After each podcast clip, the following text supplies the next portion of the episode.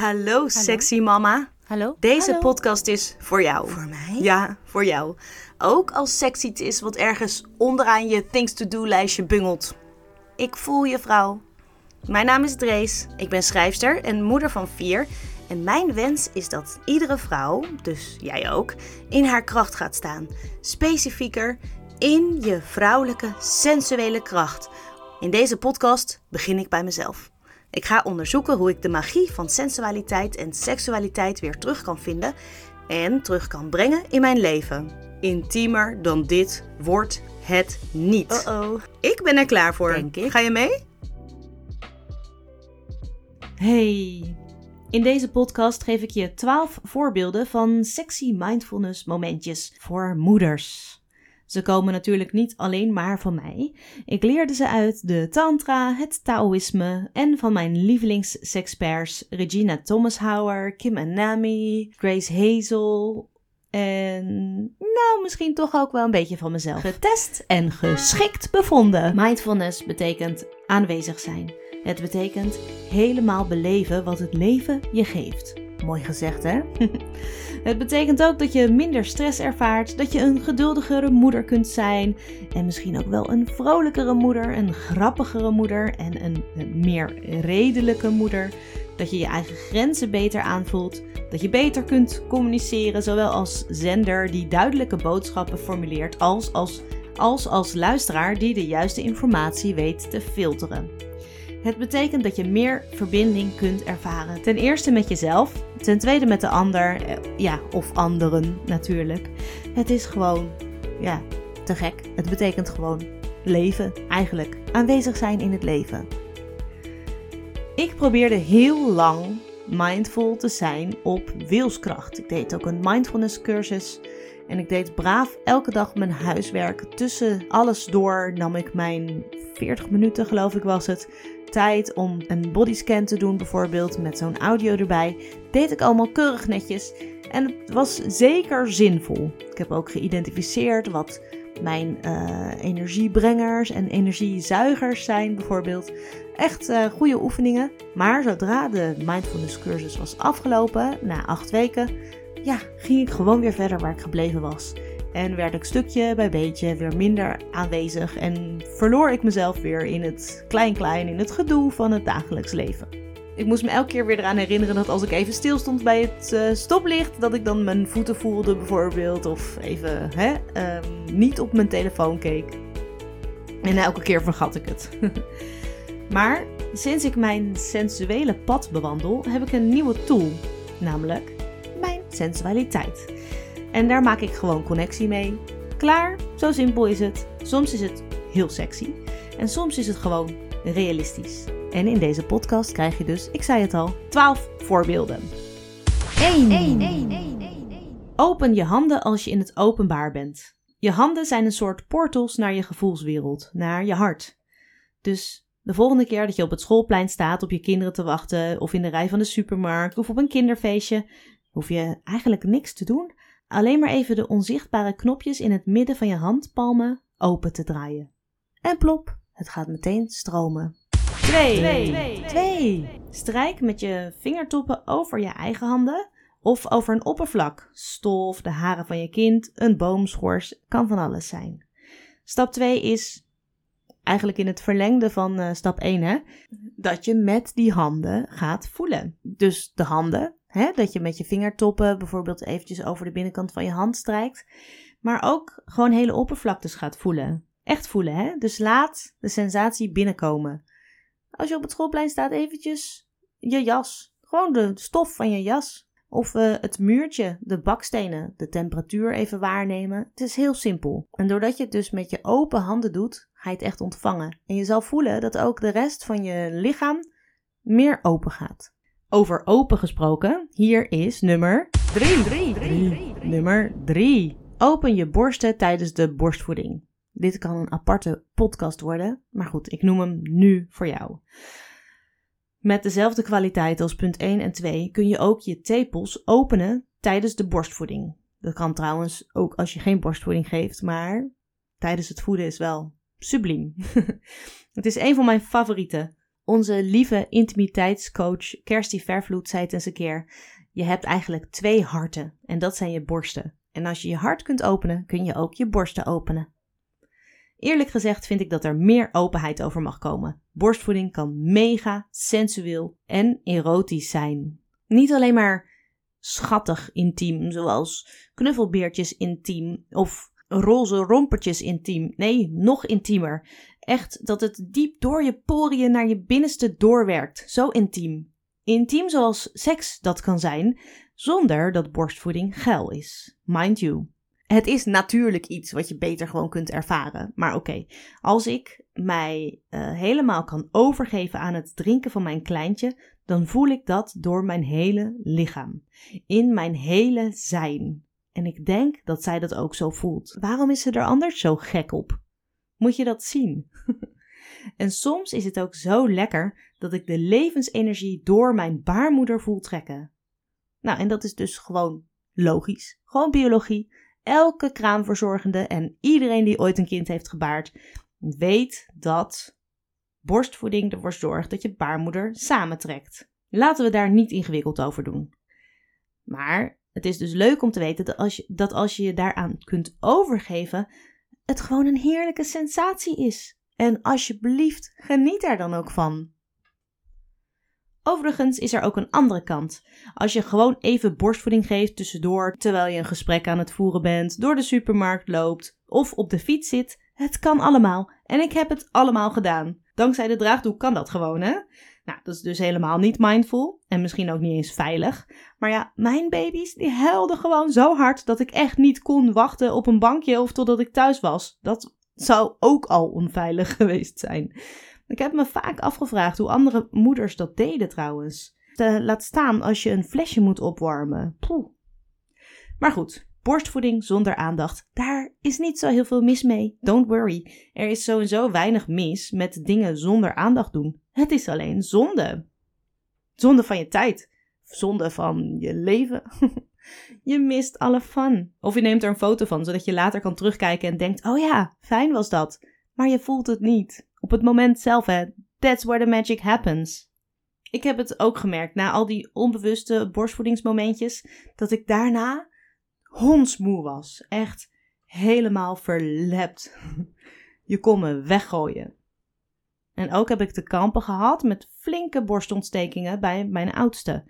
Ergens wist ik wel dat het te maken had met dat ik me voor hem moest openen. Maar het was zo fucking moeilijk. Ik heb er jarenlang en diverse baby's over gedaan om me steeds meer over te geven. En om de juiste grenzen te stellen, zodat de baby me niet helemaal zou opeten. En ook nu heb ik vaak helemaal geen zin erin. Dus het is echt. Uh, het mes snijdt aan verschillende kanten. Hè? Het is niet alleen maar roze geur en maneschijn. Maar als je ergens tegenstrijdt, wordt het echt niet per se makkelijker. Het luistert nauw, laten we maar zeggen. Tegenwoordig probeer ik zoveel mogelijk de borstvoeding te nemen om samen goed te ontspannen met mijn kleintje en op te laden.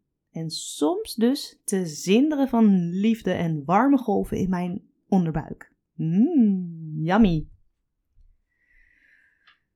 Waar waren we? Nummer 4. Heb je een tekenuurtje met je kleuter? Leuk! Maak Joni Art of teken jezelf zoals de godin die je bent. Dit vind ik heel leuk om te doen met mijn dochters. Met vlagen hoor, niet altijd. Soms teken ik ook gewoon poesjes of konijnen en niet altijd alleen maar poesies. maar het heeft al wat om een zelfportret van je Joni te maken.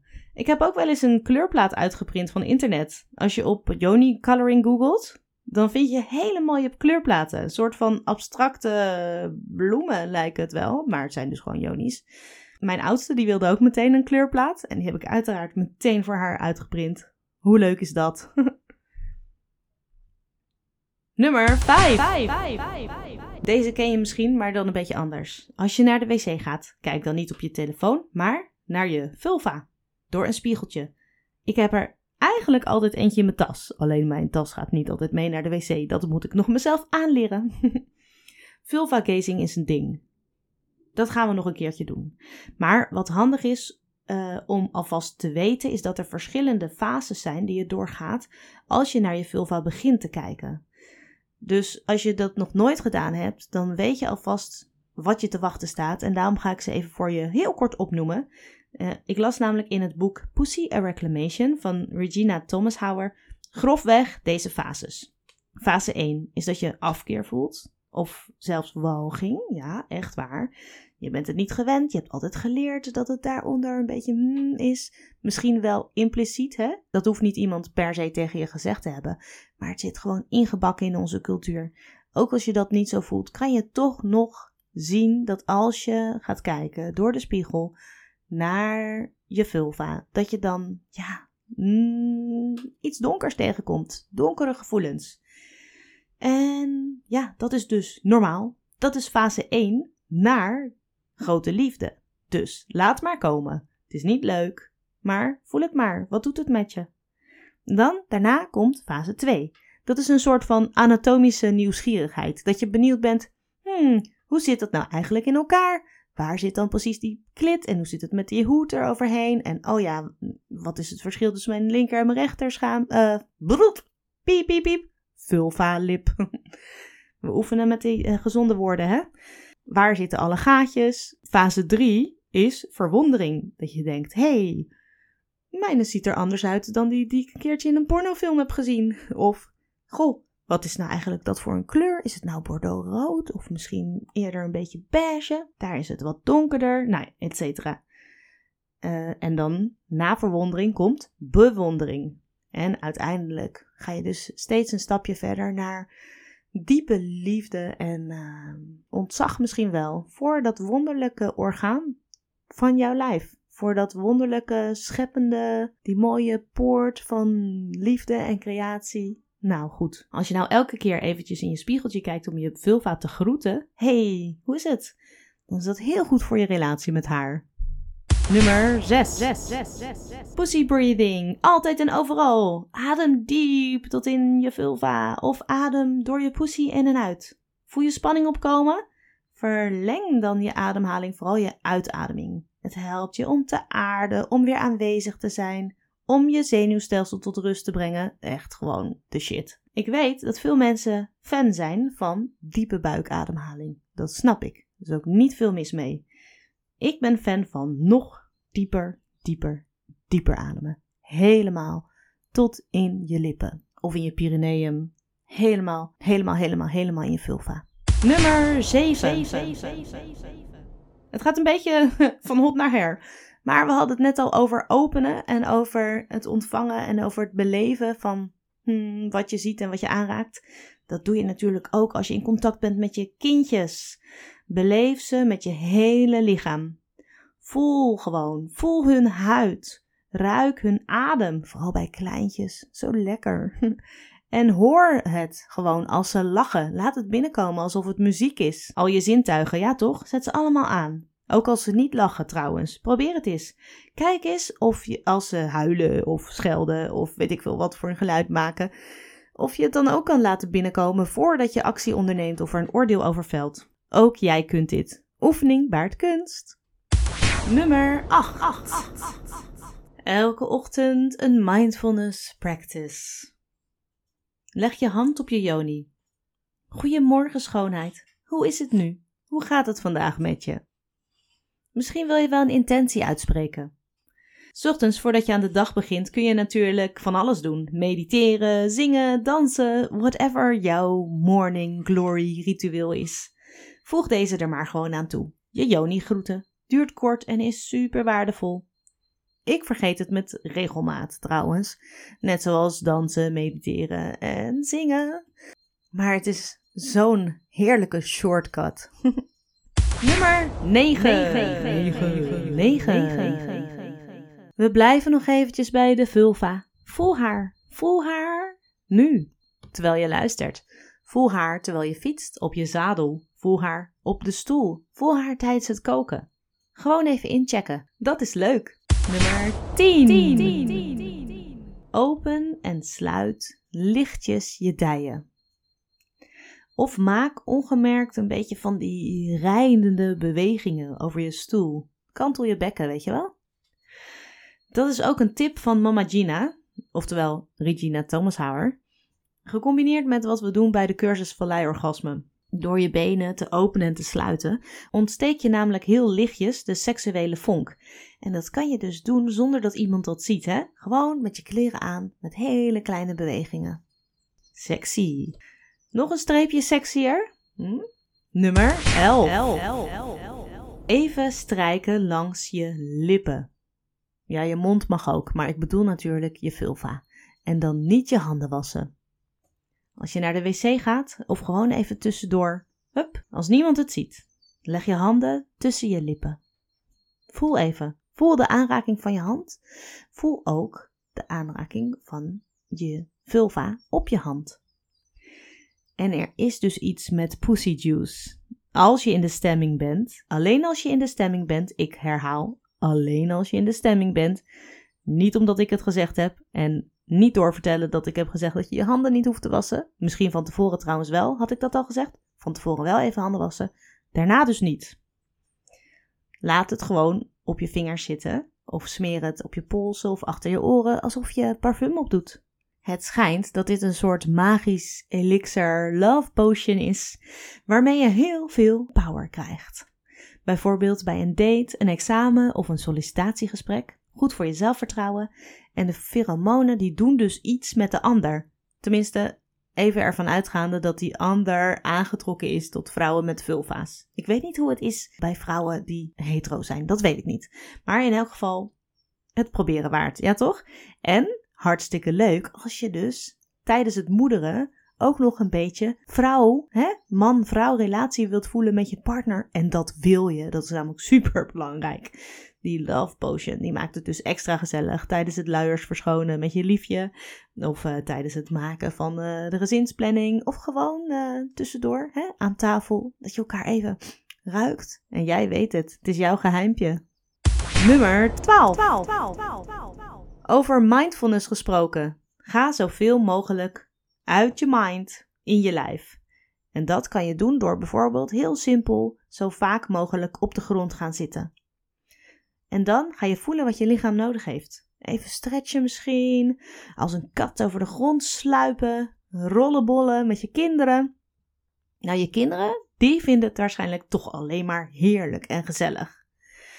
Op de grond ben je stevig. Het is goed voor je aarding. Je gaat zitten als een stevige berg, zoals in de berghouding bijvoorbeeld bij yoga. In kleermaker zit eh, met een uh, trotse houding. Of je laat je gewoon even lekker zwaar worden en bloep, als een pudding inzakken. Forceer niks. Misschien wil je wel liggen. Doe. Ga doen, alsjeblieft. Het grootste gedeelte van je volwassen leven is je horizon zo'n beetje in het midden, ja toch? Ik deed vroeger danslessen moet ik weer een keer naartoe gaan. Oké, goed voornemen nummer 633. Ik deed danslessen, dat heette Nia-dansen. En dan spraken ze over high plane, middle plane en low plane. En eigenlijk zit je het grootste gedeelte van je leven op middle plane. Dat betekent, je staat gewoon rechtop of zit op een stoel. Maar wissel eens een keertje van perspectief. Bijvoorbeeld omhoog, door jezelf lang te maken of zelfs te springen of ergens op te klimmen. Maar ook vooral omlaag. En dat is waar ik het nu over heb. Want als je dus mooi laag gaat, dan heb je dus die aarding en die stevigheid en het bewustzijn in andere delen van je lichaam. Je gebruikt ook eens een keertje die hurkspieren of zo. Super gezond. En je zit op ooghoogte met je kinderen. En dat maakt het veel makkelijker om met hen te verbinden. Om met hen te verbinden. En dat wil je. Want het is niet alleen maar gezellig. En je krijgt er het gevoel van dat je een goede moeder bent. Maar ook verbind je met die wezentjes die veel meer in het hier en nu zitten. En daar kan je mooi op meeliften, want nu ga jij ook automatisch in het hier en nu. Chill. Overigens betekent op de grond zitten dat je waarschijnlijk ook mee mag doen met hun spel. Let op, mee mag doen. Het betekent niet dat het moet. Want spelen, onthoud dit, is alleen maar leuk als alle partijen het leuk vinden. Laat je nooit door je kind dwingen om een spelletje te doen dat je eigenlijk super stom vindt. Zonde van je tijd, zonde van zijn tijd. Wie houden we hier voor de gek? Tenzij je er bewust voor kiest om je kind een kwartiertje iets te geven. Dat je zegt, nou, nu ga ik in de geefstand, ik doe iets wat jij van mij mag nemen. Snap je? Het heeft iets te maken met de Wheel of Consent van Betty Martin. Wanneer ben je aan het geven? Wanneer ben je aan het ontvangen? Wanneer ben je aan het nemen? Wanneer ben je aan het toestaan? Dus als je gaat spelen en je doet iets wat je eigenlijk niet zo leuk vindt, dan ben je aan het toestaan.